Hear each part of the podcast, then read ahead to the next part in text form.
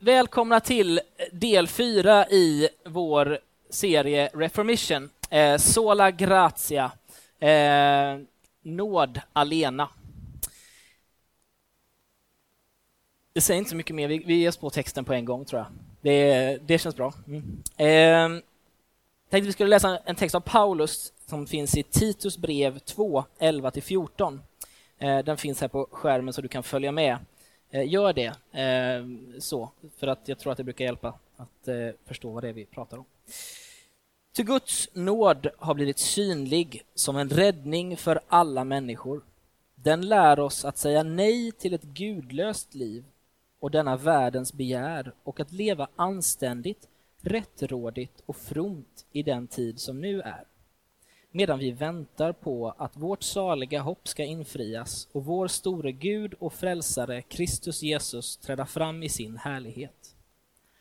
Han har offrat sig själv för oss för att friköpa oss från alla synder och göra oss rena så att vi blir hans eget folk, uppfyllt av iver att göra vad som är gott. I eh, Victor Hugos mästerverk Samhällets olycksbarn eller Le Miserable som den nu äntligen har fått återvända till eh, och heta i, eh, ja, ni vet, filmatiseringar och musikaler. Eh, så i bokform heter den fortfarande Samhällets olycksbarn.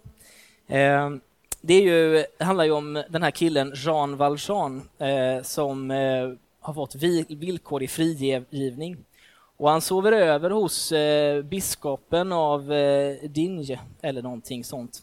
Eh, och han inser att eh, det här bordssilvret som han precis har käkat kvällsmått med, det är värt mer än allt han har tjänat på sina 19 år i fängelse.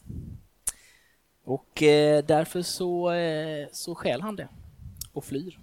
Och hans möte med biskopen efter det att han har blivit tillfångatagen är minst sagt överraskande. Jag tänkte att vi skulle slå en kik på det. Eh, jag trivs med musikalen, inte alla som gör det, så ni får leva med att det är som det är. Pipe down! Stay there! Monsignor, we have your silver. We caught this man red-handed. He had the nerve to say you gave him this. That is right. But my friend, you left so early. Surely something slipped your mind. You forgot. I gave these also.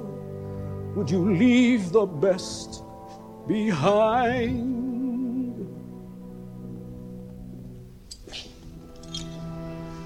Monsieur, release him. This man has spoken true. I commend you for your duty. Now God's blessing go with you.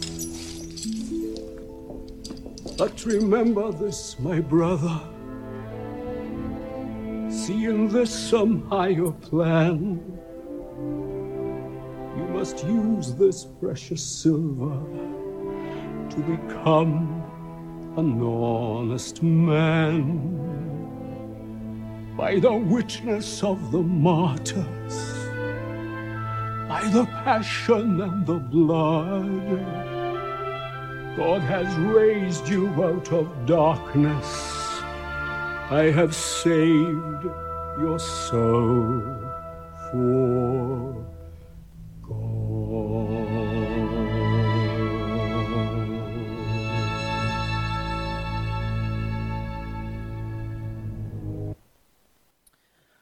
Om ni missat den här fantastiska filmatiseringen från 2012 så måste ni se den. Själv eh, såg jag den tillsammans med Johannes Benedell i eh, Istanbul och vi fick börja om typ tre, fyra gånger för att det fanns inte på turkisk textning till den.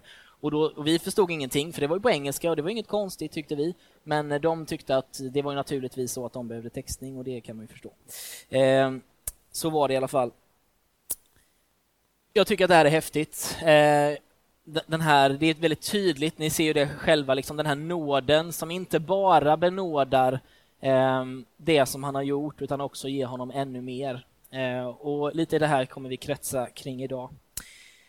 Min första punkt det är, eh, har jag döpt till räddning för alla människor. Eh, Titus 2 och 11 så står det så här, ty Guds nåd har blivit synlig som en räddning för alla människor så let's state the obvious att eh, det är en räddning just för alla eh, människor. Eh, Gud är på jakt efter varje människa som har eh, traskat på den här jorden. Eh, och den här räddningen, den är, den är utav nåd. Den är inte någonting som vi görs förtjänta av, utan den är av nåd. I första Timoteus 2, 3-4 så står det att att be så är riktigt och behagar Gud, vår frälsare, som vill att alla människor ska räddas och komma till insikt om sanningen. Det här är, det här är Guds kärlek gentemot mänskligheten. Eh, mänskligheten är en avbild av hur Gud själv läser vi om i Bibelns första bok och eh, han, han vill varje människas räddning. Det är det vi eh, ser i den här första versen. Jag skulle också vilja gräva lite djupare i det här begreppet nåd. Ehm, jag tänker mig att det finns eh, ett antal olika system som man kan se på världen genom, eller världsbilder kan vi kalla dem för. Ehm, och det är, jag tror att man kan koka ihop de flesta av de här till, till två olika varianter. Det ena är det rättvisa systemet. Det systemet beskrivs kanske bäst med ordet karma. Eh, idén är att det jag sår, det får jag skörda en tand för en tand och ett öga för ett öga. Här är rättvisa och konsekvenser det absolut primära. För många barn så är det ju väldigt viktigt att, eh, att det liksom är lika mycket saft i glasen. Ni vet, det, det, är liksom här, det ligger ganska djupt i oss det här rättvisetänket. Vi eh, svenskar har ju också en förkärlek för det här systemet. Alla ska bidra, alla ska med, alla ska betala skatt och alla ska göra rätt för sig. De fulare sidorna av det här är ju givetvis jante. Du är inte mer från någon annan och du ska inte tro att du ska sticka ut. Det ska vara rättvist. Eller hur? Ibland hör du en predikan eh, om, eh, där du får höra att judarna i Nya testamentet var drivna av ett system där laggärningar gjorde människan rättfärdig och helig inför Gud. Det vill säga att man förtjänade, liksom, det var rättvist, det var ett konsekvenstänkande. Om jag gör det här så får jag liksom, då får jag eh, tillbaka av Gud. Så om jag bara håller mig innanför laggärningarna så eh, då är jag helig inför Gud. Sanningen är att, skulle jag vilja säga då, att eh, givetvis förekom sådan legalism, sådan alltså oerhörd laglydnad. Eh, men det är inte det primära problemet som Paulus stöter på när han planterar nya kyrkor genom Nya testamentet, utan det är snarare så att det handlar om judaiserande kristna, det vill säga judiska människor som har kommit till tro på Jesus och som när de möter hedna kristna, det vill säga greker som inte tillhörde det judiska folket tidigare, då så ville de, för att de skulle kunna bli kristna, så tänkte de sig att nu ska de först bli judar. Och Det innebar att man tänkte sig att nu så eh, behöver vi skära av den lilla snibben längst fram, eh, helt enkelt, och eh, nej, men omskära. Det, det handlade om här, lite av det här lagföljandet och också delvis om hur man skulle ä, vad för saker man fick äta och inte äta och vad man fick dricka och inte dricka.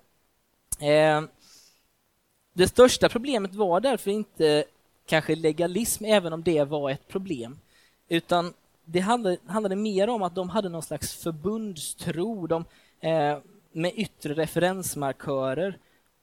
Och det Paulus kritiserar i det här är kanske mer liksom deras stolthet snarare än deras laglydnad, även om han kritiserar den också.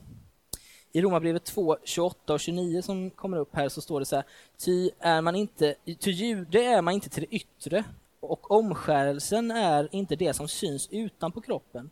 Jude är man i sitt inre och omskuren är den som är det i sitt hjärta, i ande och inte efter bokstaven. Han får sitt beröm av Gud, inte av människor. Det handlar alltså ytterst sett om en övertro på sin egen betydelse och en stolthet över att tillhöra de utvalda som liksom fixade och gjorde rätt saker. Trots att det var på grund av nåd så tyckte judarna någonstans att det var liksom deras egen förträfflighet som hade gjort att Gud hade valt dem. Den fällan skulle jag vilja uppmana dig till att inte falla i. Nästa system, det orättvisa systemet. Eh, här, det här systemet beskrivs kanske bäst med ord som nyckfullhet, tur eller otur. Det finns ingen existentiell makt, det vill säga Gud. Eh, och om han förmo mot all förmodan finns så bryr han sig inte och om han bryr sig så är han orättvis. Detta leder till, oftast till hedonism, det vill säga att man fokuserar på att roffa åt sig så mycket som möjligt och ge tillbaka så lite som möjligt. Eh, ni vet, vet, samma barn som satt där och hällde upp saft och det blev jämnt i glasen. Samma barn är, kan ju liksom eh, every now and then bara liksom så här hälla upp fullt till sig själv och liksom bara bottenfyllt till, till brorsan. Eh, det handlar liksom om det här jag ska ha. Ehm, du ligger runt because you're worth it. Du söker din egen lycka, eh, för ingen annan kommer göra det åt dig. Du klättrar hänsynslöst på andras ryggar för att det finns inga konsekvenser och ingen moral.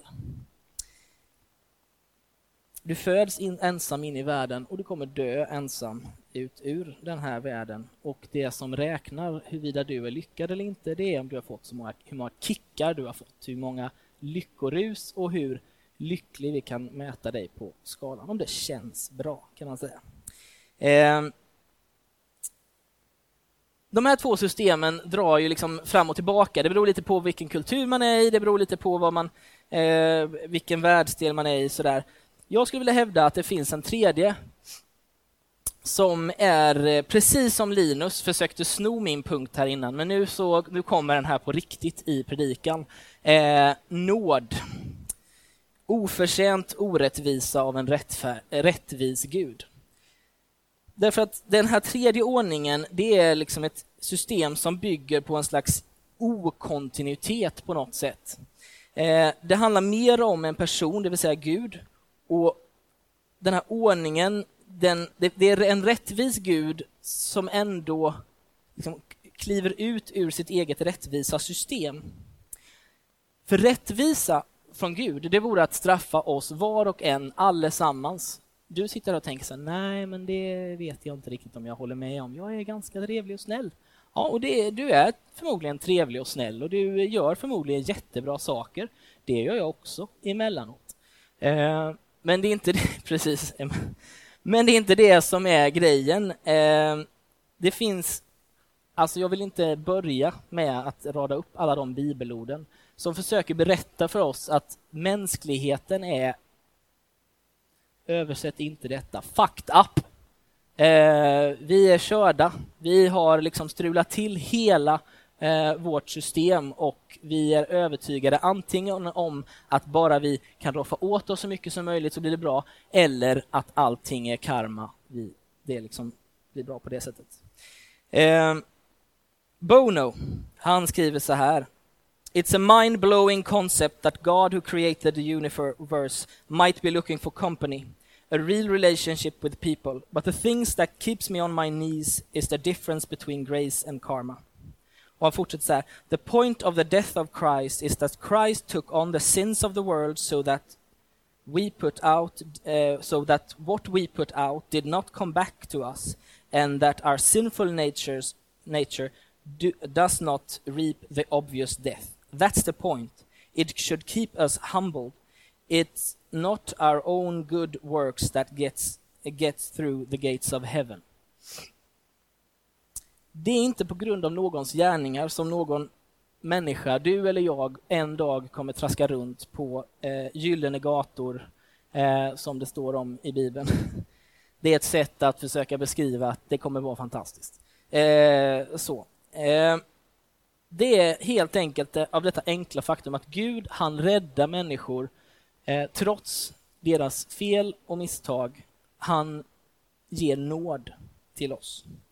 Eh, och Gud har varit nådefull sedan start. Och det tycker jag är en viktig poäng, för det, ibland är det lite lätt att tro så här att Gud börjar bli nådefull från och med liksom det här avbrottet i Bibeln som går när det går från Malaki till, eh, till Matteus, eller om du har en Bibel 2000 så finns det ett gäng böcker däremellan, så någonstans däremellan så slutar Gud, eller börjar Gud vara nådefull. Eh, och så är det inte. Han förgör inte Kain när Kain har mördat Abel. Till, det är till och med så att när Kain säger så här, jag, jag, jag kommer, de kommer döda mig om du skickar iväg mig härifrån. Då då säger Gud att jag ska sätta ett märke på dig så att du, ingen får röra dig. Eh, Gud förgör sin skapelse med benådar Noa och han lovar att aldrig mer göra, göra, förgöra jorden på det sättet. Det är till och med så, jag vet inte om ni har läst den här, men det finns en berättelse i Gamla Testamentet om David när han, när han eh, börjar liksom kika på den här unga flickan Batseba. Han eh, bestämmer sig för att ha ihjäl sin eh, befälhavare och, och det, det går så långt åt så att han, ja, han mördar eller beställer ett mord helt enkelt. Eh, och till slut så, liksom, så ligger han på knä och, och säger bara Gud har nåd med mig och Gud har nåd med David. Eh,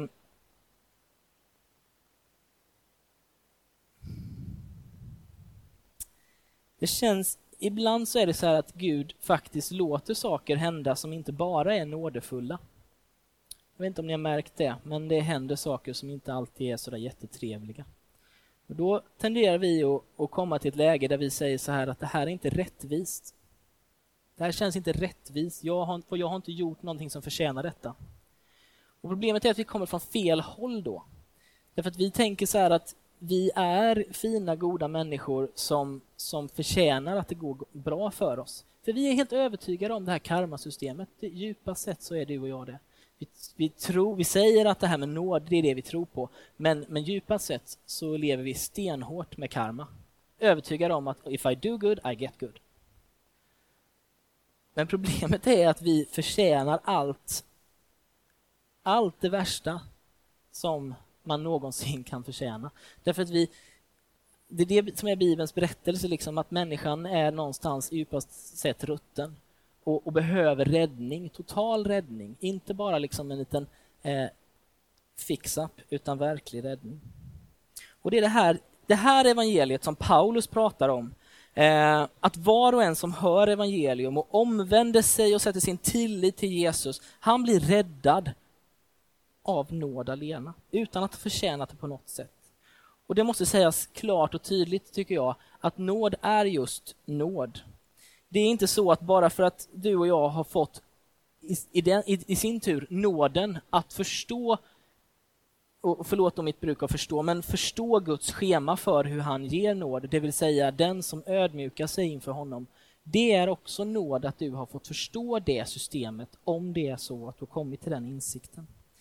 Eh, vi kommer ju aldrig ytterst sett förstå liksom hela det här, det tror inte jag, utan eh, jag tror att vi kommer stöta på en väldig massa människor som vi tänkte att, men det här, va? Och jag, ja, så. Eh,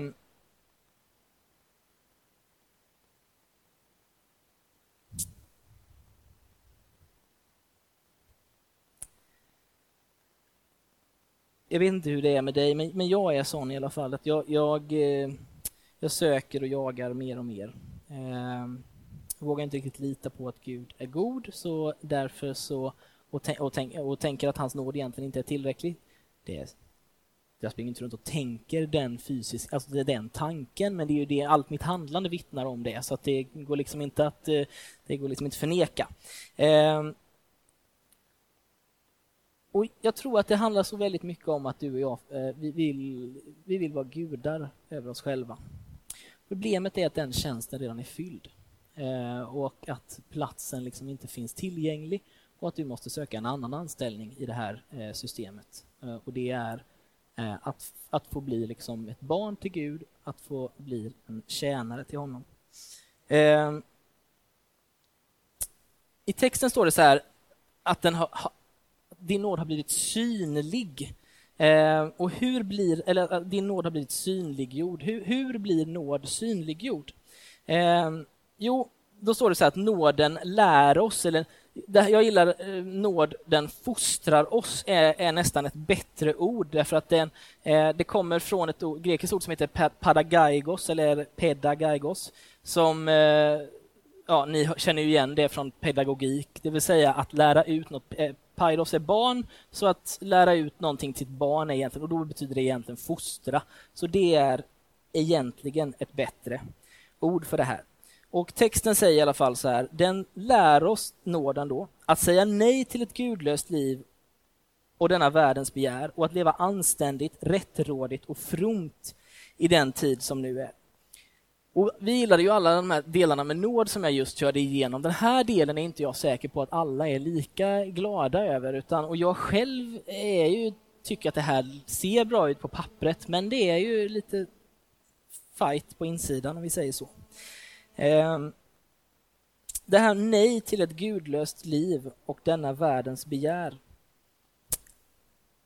Det är precis det jag sa innan. Gudlöst liv, det är egentligen ett, ett liv där jag själv är Gud. Ehm, så. Det är ett liv utan att det skulle finnas någon övre makt liksom, och därför så är jag slutgiltigt inte ansvarig inför någon annan än mig själv. Det är ett liv där jag kan hänge mig åt det jag vill. Ehm, men det är också ett liv utan existentiell kärlek och förlåtelse. Och det är ytterst sett en revolt mot Gud själv. Ehm, och jag hör så ofta, jag tror att du gör det också, den här ursäkten ehm, att man får göra vad man vill så länge det inte skadar någon annan. Har ni hört det någon gång? Mm? Mm. Eh, och, och, Det är ju faktiskt bara i ett überindividualistiskt samhälle som man ens kan uttrycka ett sånt tänkesätt. Alltså för var och en som är uppväxt i en familje eller grupporienterad kultur så är det där helt befängt. Liksom. För det finns ju ingenting som inte påverkar och inte skadar någon annan. Som, liksom, alltså det är ganska uppenbart för de flesta andra. Det är, liksom, man, det är som att man tror att det skadar ingen annan om jag är otrogen. Eh, det skadar ju ingen om du fifflar. Det, det skadar ju ingen om du, inget om du mysvabbar med din dotter en dag. Det är inget som skadar, eller hur? För det går bara in i det stora systemet av skatter som, som Linus sitter och betalar. Eh, ja, men vi, vi tror ju liksom någonstans att vi är frikopplade från allt det här. Eh, och då tänker du så här, nej, nej men så gör inte jag, så gör, nej så inte gör inte jag. Eh, och det gör du visst vill jag hävda. Jag, eh, tänk, tänk, så här, att du kom till den här gudstjänsten idag. Eh, hur många, vi, vi behöver inte köra en liksom, handuppräckning, men hur många känner så här, jag var driven av, inte, för, inte vad jag ville, utan vad jag skulle kunna ge till någon annan. Jag var driven av att komma till gudstjänst för att, för att jag känner att nej, men det här är viktigt för den här gemenskapen ett, ett gäng är på besök här. Eh, det här är inte, det är inte till dig. Eh, så. Men, men, är vi drivna av att, att liksom ge varandra någonting eller är vi drivna av att få någonting? Tala ofta om att ja, men, gudstjänsten var bra därför att jag fick någonting. Och, och här blir det lite så här, ja men är det där, är det bra liksom? Eh, Jenny Strömstedt hon skrev i en krönika igår i Expressen. Jag vet inte om ni har läst den, men en ny generation som vill glida genom livet. Eh, hon är ju lite upprörd när hon skriver det här, så det är ju liksom uppenbart, det är ingen som har missuppfattat det. Men hon, hon skriver i alla fall så här. De, eh, jag tror att det är någon slags sen 90-talister, början på eh, 2000-talister, vad vi nu kallar dem för. Eh, Precis, det var därifrån jag fick det här mysvabba också. För, förlåt. Läs den om ni inte har läst den så förstår ni. Eh, så här skriver hon.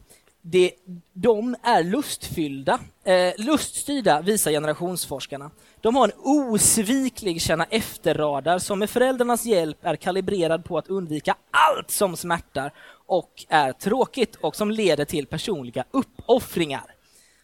Och hon närmast skriker genom min Expressen-app. Tror ni att Emil Jönsson kände efter? Va? Hur många OS-medaljer vinner man den som känner efter? Alltså när Lord Nelson, jag har fått lära mig att han kallas så, tappar skidan i sitt första. Alltså jag vet många som skulle ha bestämt sig för att nu är det kört. Men när man liksom så här, då tar upp skidan, stakar sig i kapp kommer i fatt och sen vinner brutalt, då känner man så här, det gjorde nog ont någonstans tror jag. Det kändes, han kämpade, han gav inte efter för vad som kändes bra just då. Ha, då ska vi hoppa över till det här att leva anständigt, rättrådigt och fromt i den tid som nu är. Känner ni liksom riktigt hur svårt det var och ens ha en aning om vad det skulle kunna betyda? Eh, jag kände så i alla fall.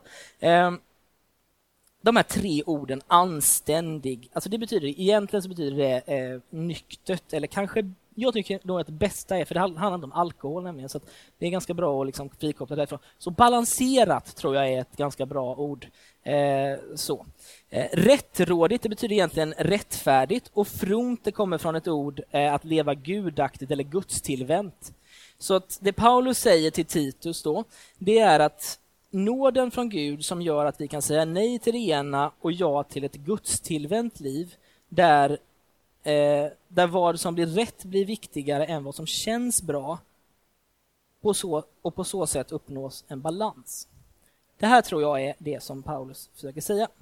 Eh, och nu pratar vi inte om en ny legalism här som, som med listor över förbud och, och tillåtet. Vi pratar om balansen som uppstår när man blir fostrad genom Guds nåd att lägga bort eh, sitt eget och följa Jesus. Det, och, och, vi är så väldigt eh, inkörda med att det är inte nåd eh, det där, utan det där är något annat. Det är en uppfostran eller någonting. Men det är det Paulus försöker säga, att uppfostran är i sin tur nåd. Och Jag tror att var och en av er skulle kunna säga att det är så om ni tänker på er egen uppfostran, om ni när ni träffar Alltså jag vill inte säga något elakt om barn som går i skolan idag, men det känns som att det är en viss skillnad. Liksom. Jag vet att det inte är, alltså det är inte säkert att det är det, även om Jonny Strömstedt säger att det är det. Så, alltså, Ja, det är precis. Det kan bero på lärarna och det kan bero på någon skolordning och jag vet inte exakt vad det är det handlar om. Men, men det handlar liksom om att ja, kanske släppa tag lite från det och inse att uppfostran, det är bra. Du och jag är glada över att våra föräldrar sa nej, nu får det vara nog. Eh, lite olika hur de gjorde detta. Eh, en del liksom röt med rösten och det räckte, andra tog till mer. Men hur som helst är jag i alla fall väldigt glad att min pappa valde att uppfostra mig. Och i efterhand så ser jag det som nåd och en gåva. För nåd är just det, gåva. Det är det det betyder. Eh, apropå det här med balans så, så säger, nu ska, ni, nu ska vi bekanta oss med en snubbe, eh, det, en ökenfader, eh, Abba Poimen. Han eh, levde på sent 300-tal ute i öknen utanför, ja, typ nere i Egypten, Sinai där. Eh, och förlåt då hans, eh, hans ordval som ni inte själva skulle ha valt. Allt som går till överdrift kommer från demonerna. Jag vet att ni inte skulle ha valt det ordvalet, men, men det han försöker point, pinpointa här, det är så här att det kommer en massa folk till honom. Han är en, han är en av de mest omskrivna från den här tiden. Eh, kristna förebilder. Och det han försöker pinpointa det är liksom det här att det, det, han mötte en massa munkar som var helt så fanatiska över att följa Gud. Liksom. Och då betyder det liksom askes, det betyder att fasta liksom, flera, flera dagar i veckan och bara så här, bo ute i öknen i ett hål. Det är, liksom, det är nivån vi pratar om här. Eh, och det betyder, för, och att det inte skulle ha funnits någon legalism i det där, det är ju svårt att, att, att tro. Så att det gjorde det nog. Men eh, han, han försöker ändå säga liksom så att, för han var en sjukt social snubbe nämligen. Eh, han hade folk på besök hela tiden och liksom vägledde folk och Poimen betyder för övrigt eh, herde, eh, så att han kallades för det här därför att han var liksom, eh, en viktig person för väldigt många liksom, som såg upp till honom. Eh, och Han försöker säga det här liksom att, att dra inte iväg liksom, i det här liksom, abs, in absurdum. Liksom. Dra inte allt till sin spets. Liksom. Hitta den här balansen, det är det han är ute efter.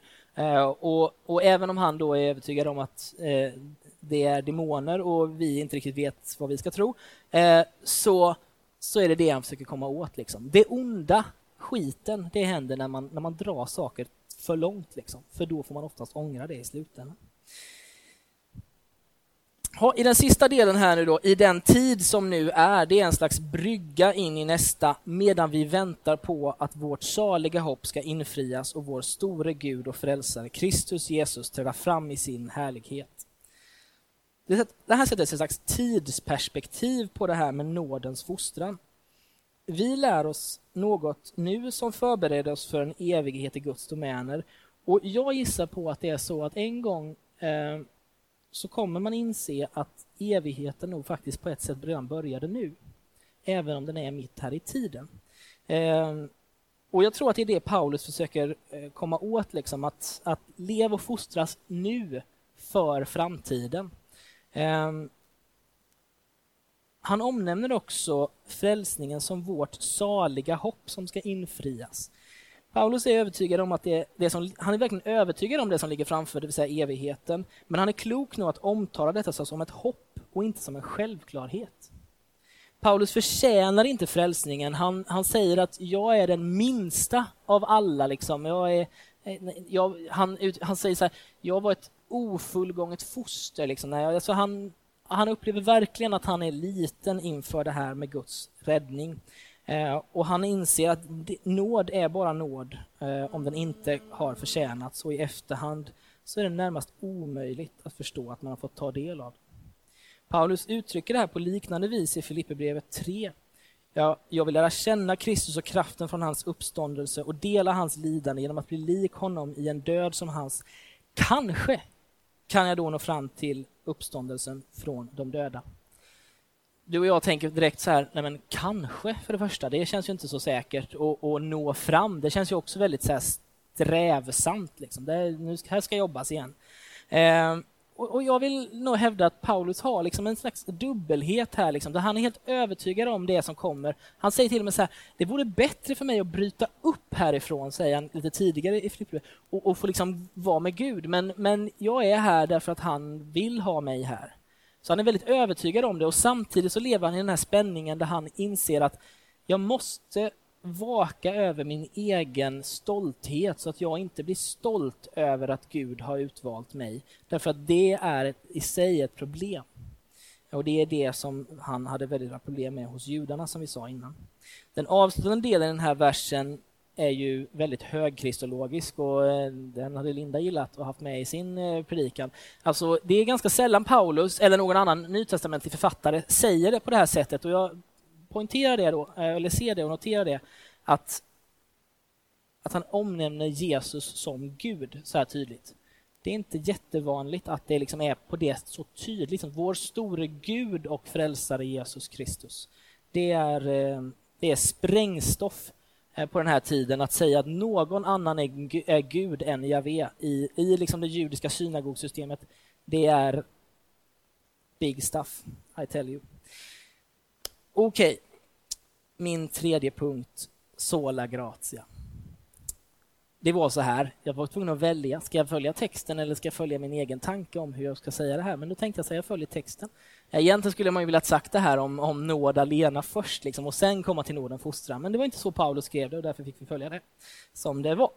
Eh, 14. Han har offrat sig, för oss, eh, eh, sig själv för oss för att friköpa oss från alla synder och göra oss rena så att vi blir hans eget folk, uppfyllt av iver att göra vad som är gott. Han förtydligar några verser längre fram, men när Guds vår frälsares godhet och kärlek till människorna blev uppenbara räddade han oss, inte därför att vi har gjort några rättfärdiga gärningar, utan därför att han är barmhärtig. Så det är hela tiden det här. Och ni, så läser ni Nya Testamentet, läser ni Paulus brev så kommer ni se det här konstant. Det finns inte en gång som Paulus säger liksom att, att det här liksom med rättfärdiga gärningar, det leder till frälsning. Han är helt övertygad om att det är en frukt av att få nåd, att det kommer godhet. Men det ska vi komma till strax. Det här, han har offrat sig för oss. Gud tar själv initiativ till frälsningen och genomför själv frälsningen. Ingenstans i frälsningshistorien står det skrivet om att Gud var tvungen att förlita sig på människor för att genomföra sitt verk. Trots detta är det uppenbart att han har använt människor och här, här är, ja, det gäller att vara ödmjuk som sagt för att Gud gör saker genom människor, men, i, men han räddar världen alldeles, alldeles själv. Så kan man ändå, ändå säga. Eh, be han för att friköpa oss från alla synder och göra oss rena. Effekten av denna frälsning är rening från synd. Inget mindre, inte uppfräschande av mänskligheten, inte reparation, inte restauration. Eh, det är inte någonting som bara har liksom fallerat lite grann och nu ska vi piffa upp det, utan det handlar om total räddning av något som var förlorat. I Efesierbrevet omnämner det som att ni var döda i era synder och nu har ni blivit förda till liv genom Guds nåd. Ehm, det här ordet friköpa, det är inte någonting som vi springer runt och använder så jätteofta. Ehm, Paulus har bara några verser innan, om ni läser Titusbrevet så kommer ni se att Paulus har bara några verser innan det här pratar om slaveri. Och det är det som är liksom det här ordet kommer ifrån, friköpa. Eh, och det är det ordet vi har frälsning och räddning ifrån också för den delen. Eh, det är en tydlig bild av att var och en som, som lever med den här synden som Paulus talar om, den lever i ett slaveri under den här synden och är bunden till den och kan inte komma ifrån den själv. Förutom genom att Gud själv friköper den här slaven som vi själva är. Det här gör Gud eh, av ingen mindre anledning än att skapa sig själv ett egendomsfolk. Ett folk som tillhör honom och som har honom som centralpunkt. Det som vi sjöng här i mittensången, Jesus at the center of it all. Eh, det är det som är hans... Eh, det är det han är ute efter. Jag vill också säga det att det här med folk, det är också, eh, vill jag också påminna dig om att det handlar ju återigen inte om det här med eh, superindividuell frälsning. Gud är ganska ofta, eh, eller Nya Testamentet är väldigt tydligt där liksom att det är inte bara så här att åh du och du och du och du och du, utan det, det säger, det är lite bredare perspektiv och ibland så snöar vi in oss på att som jag ska göra och jag, utan Gud tänker så här, jag ska skapa mig ett eget egendomsfolk. Eh, och han vill givetvis rädda individer, för individer är ju en del av helheten, men det är inte bara individuellt, så att säga. Eh, nåden leder då till att viljan att göra gott. Och att ens tala om nåd som, leder till, eh, som inte leder till förändring, det skulle jag säga är gudsförnedrande. Jean Valjean i eh, Le Misérables, han stjäl ju de här silverbesticken på Biskopsgården Eh, och han flyr och han blir infångad av polisen och han möter biskopens ögon och han, det är så tydligt, ni såg det för några minuter sedan, han skäms liksom. Det är så, han, är så, han skäms så över vem han har blivit liksom. Och sen så, så kommer det här och säger att han, ja men det är en gåva, säger biskopen. Du glömde. Du hade så bråttom så du glömde de här två. Alltså det, är, det är helt ofattbart. Eh, så, men, men som en konsekvens av den här nåden så kommer det här liksom, nu måste, du, du, du, du behöver bli en hederlig man liksom. Det kommer inte ge, alltså den här nåden, jag tror så här, biskopen har gett honom nåd. Den nåden är inte, inte den kommer inte han ta tillbaka. Alltså om, om Jean Valjean bevisar tre minuter senare att han inte var en honest man så kommer inte, så kommer inte biskopen ta tillbaka det. Men den har ingen effekt om det inte är så att det blev förändring. Och det, mina vänner, skulle jag vilja att du kontemplerar lite. Därför att vi fastnar hela tiden då i det här, ja, nåd ger mig inte det och, och ja, jag måste göra och allt det här. Nej, det är inte det det handlar om. Men om det inte får effekt, då har det inte satt sig. Då har, det inte, då har, det inte, då har inte du fattat liksom vad det handlar om. Då har du inte förstått.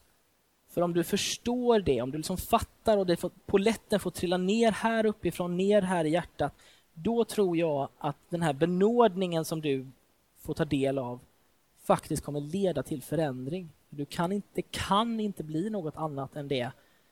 Jean Valjean sitter på knän och liksom är så skamsen och det blir hela hans, för er som har sett resten av filmen, det blir hela hans liv liksom att vara en honest en good man. Men det är också så, och kommer också ihåg det, jag tycker den här filmen den, den pekar på det. Det jagar honom alltid. Javert, den här eh, polismannen som inte tror på att någon kan förändras. Han jagar honom resten av hans liv. Liksom, för, och Det är precis så synden kommer göra i ditt liv också. Trots att du har fått ta del av nåd så kommer den jaga dig konstant. Eh, och Det är bara liksom peka på det här. Gud har gett mig nåd. Jag vill avsluta eh, med att berätta om en kille som heter Dietrich, eller hette Dietrich ska jag säga. Dietrich Bonhoeffer. Så där såg han ut. Eh, det där är några år innan han, eh, innan han hängs. Eh, Dietrich stod upp mot Hitler i eh, den delen av den tyska kyrkan som hade separerat sig från den liksom, tyska lutherska kyrkan och kallade sig själva för bekännelsekyrkan.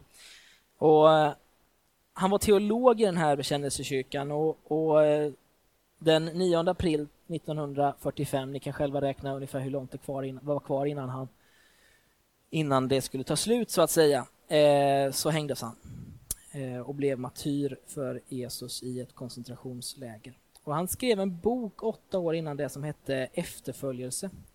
Och jag skulle vilja att du lyssnar på några rader om det här med nåd. Jag hoppas att du har fått med dig det här liksom att Gud skänker nåd, vi kan inte förtjäna.